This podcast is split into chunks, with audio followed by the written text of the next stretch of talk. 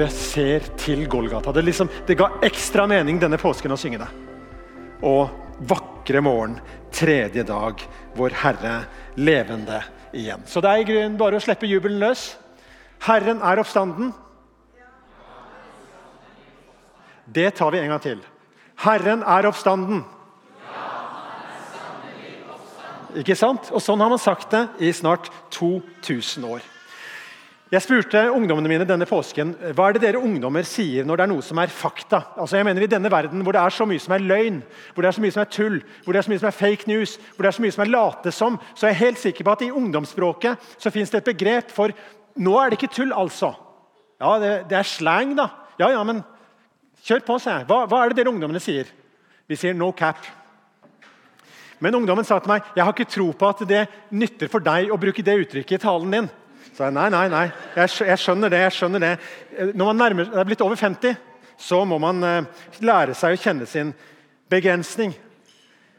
Men språket vårt, dere Språket vårt rekker liksom ikke til når vi skal si at det er virkelig, virkelig, virkelig sant at Jesus er stått opp fra de døde. Vi har hørt det før. Og så er det ikke tull. Og så er det på ordentlig. Så jeg tenkte ungdommen har helt sikkert et sånt ord, og det har de, og det er no cap. No cap. Noen som har hørt det før? Ja, Noen har hørt det før. Ja, han der har hørt det før. La oss be. Hellige Ånd,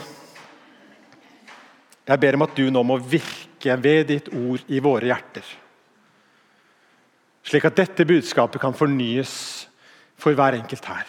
Sånn at sola kan stå opp i hjertet på hver enkelt som hører meg nå. At hjertet vårt får se til Golgata. At hjertet vårt får se til den tomme graven. Og At ikke det stopper der, men at blikket vårt går til ditt ansikt, Jesus. Og at vi får se at du er en levende frelser for hver enkelt av oss. Amen. De elleve var samla første påskedag. Beregninger tyder på at det var 5. april i år 33. Dvs. Si at vi mangler bare ti år nå på at det er nøyaktig 2000 år siden. Kanskje er de i den øvre sal, der hvor Jesus innstifta nattverden skjærtorsdag. Uansett hvor de er, så er de samla, og inn braser to menn, best kjent som Emmaus-vandrerne. Noen timer tidligere har de vært på vei vandrende til en landsby som heter Emmaus, 11 km fra Jerusalem. En landsby som ikke er kjent for noe som helst annet enn at det var to stykker som gikk på den denne påskedagen. Og Den beretningen skal vi se litt på i dag sammen. Vi finner den i Lukas 24. Og Jeg skal lese hele beretningen. Du får ikke hele på skjerm, så du må enten lukke øynene og lytte, eller så må du åpne din egen bibel, eller eventuelt på mobilen. Her kommer det. Samme dag var to disipler på vei til en landsby som heter Emmaus, 60 stadier fra Jerusalem. Og De snakket sammen om alt det som var skjedd. Mens de nå snakket sammen og drøftet dette, kom Jesus selv og slo følge med dem.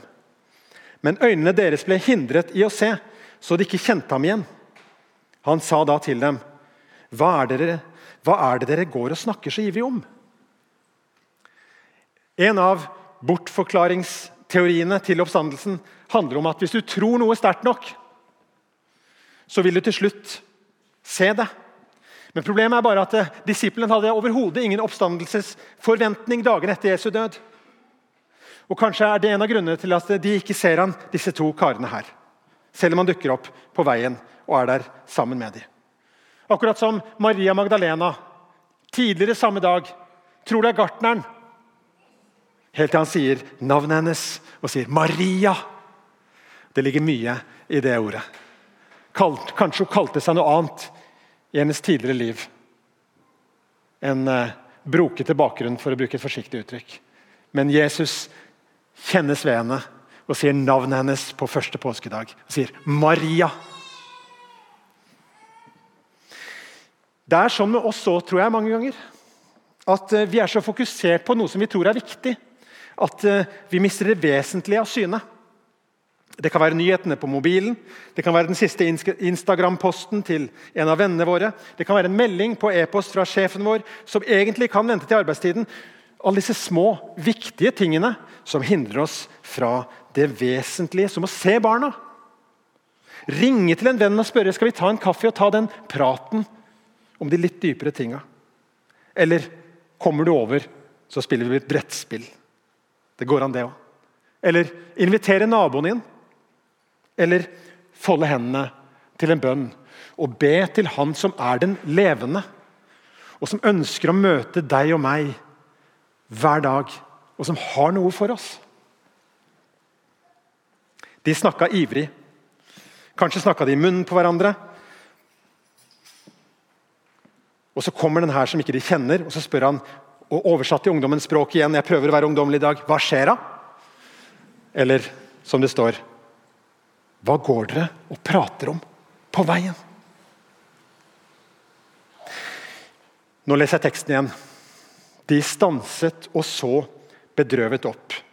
Og den ene, han som het Kleopas, svarte du må være den eneste tilreisende i Jerusalem som ikke vet hva som er hendt der i disse dager. Hva da? spurte han. Det med Jesus fra Nasaret, svarte de. Han var en profet, mektig i ord og gjerning for Gud og hele folket. Men våre oversteprester og rådsherrer utleverte ham og fikk han dømt til døden og korsfesta ham. Og vi som hadde håpet at det var han som skulle befri Jerusalem. Det er anslått at eh, i Jerusalem på Jesu tid så bodde det mellom 20 000 og 30 000 mennesker. Det er omtrent like mange som det bor på Askøy. Og Der stanser sammenligningen. I påskeuka var dette tallet minst tidobla. Det var altså 200 000 og kanskje opp mot 1 million mennesker på plass i Jerusalem Jesus siste uke. Det formelig kokte av folk, og så mange plass er det ikke plass til på Askøy. Alle av disse 200 000 eller 1 million har fått med seg det som skjedde der, mente disse to. Bortsett fra han her ene, tilreisende, som ikke hadde fått det med seg. Og som spør altså, er det noe annet det går an å snakke om er det noe annet det går an å snakke om i dag enn det som skjedde for to dager siden? Det med Jesus fra Nasaret. Altså, I tre år har denne Jesus fra Nasaret gått omkring og gjort vel. Han har helbreda syke, han har drevet ut onde ånder, han har tilgitt synd. og det er, bare noe, det er noe bare Gud kan gjøre.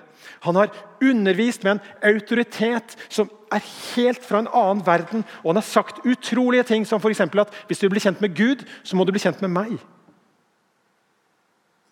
At han var veien, sannheten og livet. At han var oppstandelsen. Sånne ting. Og så hadde det altså lyktes for de som mente at alt dette her var blasfemi. Det hadde lyktes for dem å ta livet av ham, og det på et romersk kors. På den mest skamfulle måten av alle måter å dø på. De gikk ivrig og prata om dette, men det var også noe resignert og tungt over dem. Det avslører denne setningen. Og vi som hadde håpet. Bare den som har levd generasjon etter generasjon under en brutal okkupasjonsmakt, vet hvor viktig håpet om frigjøring er. I Ukraina har de det sånn nå, og de har hatt det sånn i ett år. I Norge hadde vi det sånn under krigen i fem år. Og i Israel på Jesu tid så var det nesten gått 100 år med okkupasjon av en brutal militærmakt. Og de håpte. Og de håpte at kanskje, kanskje med han der Jesus som gjorde mirakler, kanskje han som hadde så fantastisk kommunikasjon med Gud, kanskje med han kunne det komme en frigjører som kunne sette landet vårt fri. Endelig.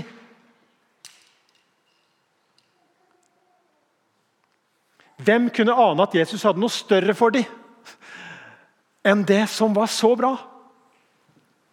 Vi mennesker vi lever av håp. Enten det handler om eh, bedre vær, at renta skal gå ned, lønnsforhøyelse, å vinne i Lotto eller at Brann skal vinne serien.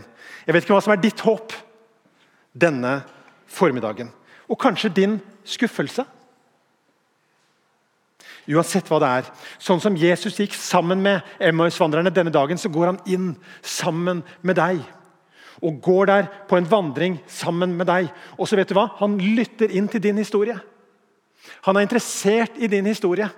Han vil høre på det som er ditt håp. Han vil, han vil høre på det som er din drøm.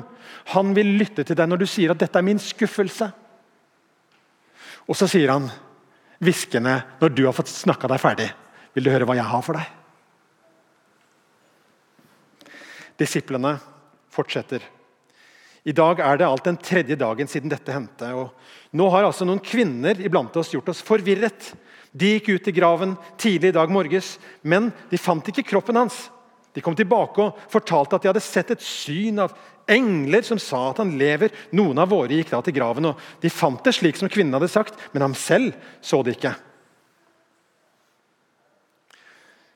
Er du forelska? spurte jeg en kamerat en gang. Han sa nei, jeg er ikke forelska, men jeg er forvirra. Og Det er liksom stadiet før. Sånn var det for Emmausvandrerne nå. De var forvirra. Den tomme graven var ikke nok. Kvinnene som hadde sett et syn av engler som sa at han lever, var ikke nok. At disiplene sjøl hadde løpt av gårde for å sjekke om det var sånn at graven var tom, var ikke nok. De gikk like fullt og var forvirra. En kan spørre hva skal til egentlig for at Emmausvandrerne skal begynne å tro? Ham selv så det ikke. Altså, Jeg venter fortsatt på miraklet. Jeg venter fortsatt på at noe ordentlig ordentlig, ordentlig skal skje, sånn at jeg kan tro, jeg òg. Tom grav? Ja ja. Men uh, engler som sa at han lever. Ja, ja, ja. ja. Og disipler som sjekka det hele. Og graven var faktisk tom. Ja, ja, ja, ja. Men, men, men de så ikke han. Jeg leser videre. Da sa han til dem, så uforstandige dere er, og så trege til å tro alt det profetene har sagt. Måtte ikke Messias lide dette og så gå inn til sin herlighet? Og Han begynte å utlegge for dem alt det som står om ham i alle skriftene, helt fra Moses av og hos alle profetene. Vet du hva? De historiske faktaene om Jesu enestående liv og lære, hans død og hans oppstandelse, er så gode at alle egentlig burde tro. Men for noen så vil det alltid være noe som kommer i veien. Kanskje er vi ikke så rasjonelle vesener når det kommer til stykket. Se på det bildet der. Det mest utydelige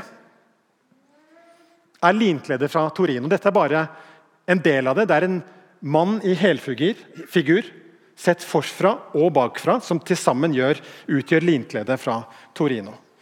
Og dette kledet har en dokumenterbar historie tilbake til 1349.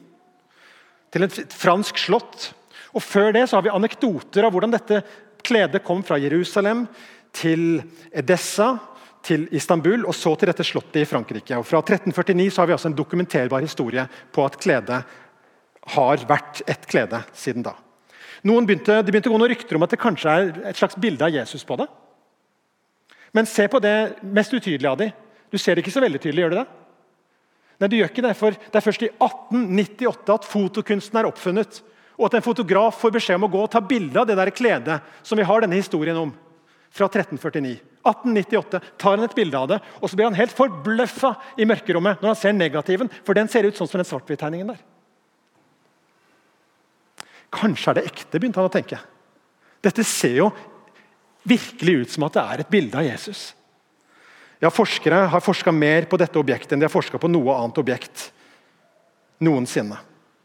Og De har funnet pollen, ikke bare fra Jerusalem, men faktisk fra disse stedene Edessa, og fra Istanbul og fra Frankrike, som fins på kledet. De har funnet blodspor etter en tornekrone, etter piskeslag, etter et romersk spyd i siden. De har funnet blodspor etter naglemerker på hender og føtter. Og avtrykket mine venner, er i 3D beveger seg innover i kledet. Gjennom fibrene. Hvordan ble bildet til, er jo gåten. Hvordan ble det til? Jeg har en teori. Og Min teori er at dette kledet er det likkledet, det linkledet som det står om i evangeliene. Som de la Jesus i. Og at Jesus i oppstandelsesøyeblikket utstrålte en så stor kraft at det ble et 3D-avtrykk av hele hans kropp. Fullstendig presist. Det er det jeg tror om dette kledet. Hvis du trenger flere rasjonelle grunner til å tro på oppstandelsen. Men det er ikke alle som vil tro. Og Jesus lar oss velge ham bort. Det står i teksten De nærmet seg nå landsbyen de skulle til, og han lot som han ville dra videre. Merkelige Jesus. Han tvinger ingen. Og Han selger seg ikke på billigsalg. Han trenger seg ikke på. Han lot som han ville dra videre. Hjertet hans, det ville bli. Men han spilte et skuespill. Altså, liksom, han, han bevegde kroppen sin den veien, så det skulle se ut som han ville dra videre. Er han skjult for deg? Han later som han ikke har tenkt å gripe inn i ditt liv. Han later som han ikke har tenkt å svare på din bønn. Han later som han ikke bryr seg om deg, for han lengter etter relasjon med deg. Og disiplene, de ber. Inntrengende, bli hos oss. Det lir mot kveld, og dagen heller. Og da gikk han inn og ble hos dem. Og så var det at det skjedde. Mens han satt til bords med dem, tok han brødet, ba takkebønnen, brøt det og ga dem. Da ble øynene deres åpnet, og de kjente ham igjen. Men han ble usynlig for dem. Da sa de til hverandre, brant ikke hjertet i oss da han talte til oss på veien og åpnet skriftene for oss? Og de brøt opp med en gang og vendte tilbake til Jerusalem. Der fant de alle de elleve og vennene deres samla. Og der var det min historie starta i dag. Da braste det inn til de elleve som satt samla. Men før Emmausvandrerne rakk å si noe Før Emmaus-vandreren rakk å si noe, så står det Og disse sa Herren er virkelig stått opp og har vist seg for Simon. Og Så fortalte de to om det som var hendt på veien, og hvordan de hadde kjent ham igjen da han brøt brødet. Og Mens de snakka om dette, sto Jesus selv midt iblant dem og sa fred være med dere. Det er en detalj her jeg har lyst til å be dere legge merke til. Og det var at De elleve var samla og trodde at Jesus var stått opp uten at det var andre enn Simon som hadde sett ham. Dette er oppstandelsesmorgen, og det er like før Jesus sjøl er der i rommet. Men før Jesus er der i rommet, så tror de elleve. Hvorfor tror de elleve? Jo, fordi at Jesus har vist seg for Peter. Jesus har vist seg for Peter. Den detaljen står bare her, og så står det nevnt i 1. Korinterbrev 15 i oppramsingen av alle som har sett han, at han viste seg for Kefas. Det er Peter. Men selve fortellingen om hvordan Peter opplevde det møtet den morgenen, det står det ingenting om. Det står at Kvinnene kom og fortalte at de hadde sett et syn. og De løp til disiplene og vekka de altfor tidlig opp. og Peter han løp av gårde til graven og så fant den tom. og Så gikk han hjem, og så undra han seg, står det litt lenger opp i samme kapittel. Så han sitter hjemme og undrer seg, og der kommer Jesus og møter den Peter som var der på palmesøndag, når de jubla. Hosianna, Davids sønn. Den Peter som var der ved nattverdinnstiftelsen når Jesus vaska føttene hans. og Peter sa nei, nei, nei, nei, ikke vask føttene mine, bare vask hodet mitt og hendene og hele kroppen. Kjør på! Alt jeg kan få! Peter, som hadde vært der når han elska Jesus så mye den kvelden at han sa om alle de andre svikter deg, skal ikke jeg svikte deg.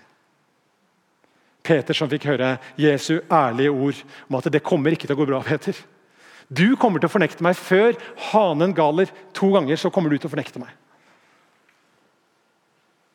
Han hadde vært der når Jesus skulle be Getsemane-bønnen og sovna. Han hadde vært der når de kom for å ta Jesus, og han hugde øret av romeren. Og så flykta Peter. Da hadde han sovna.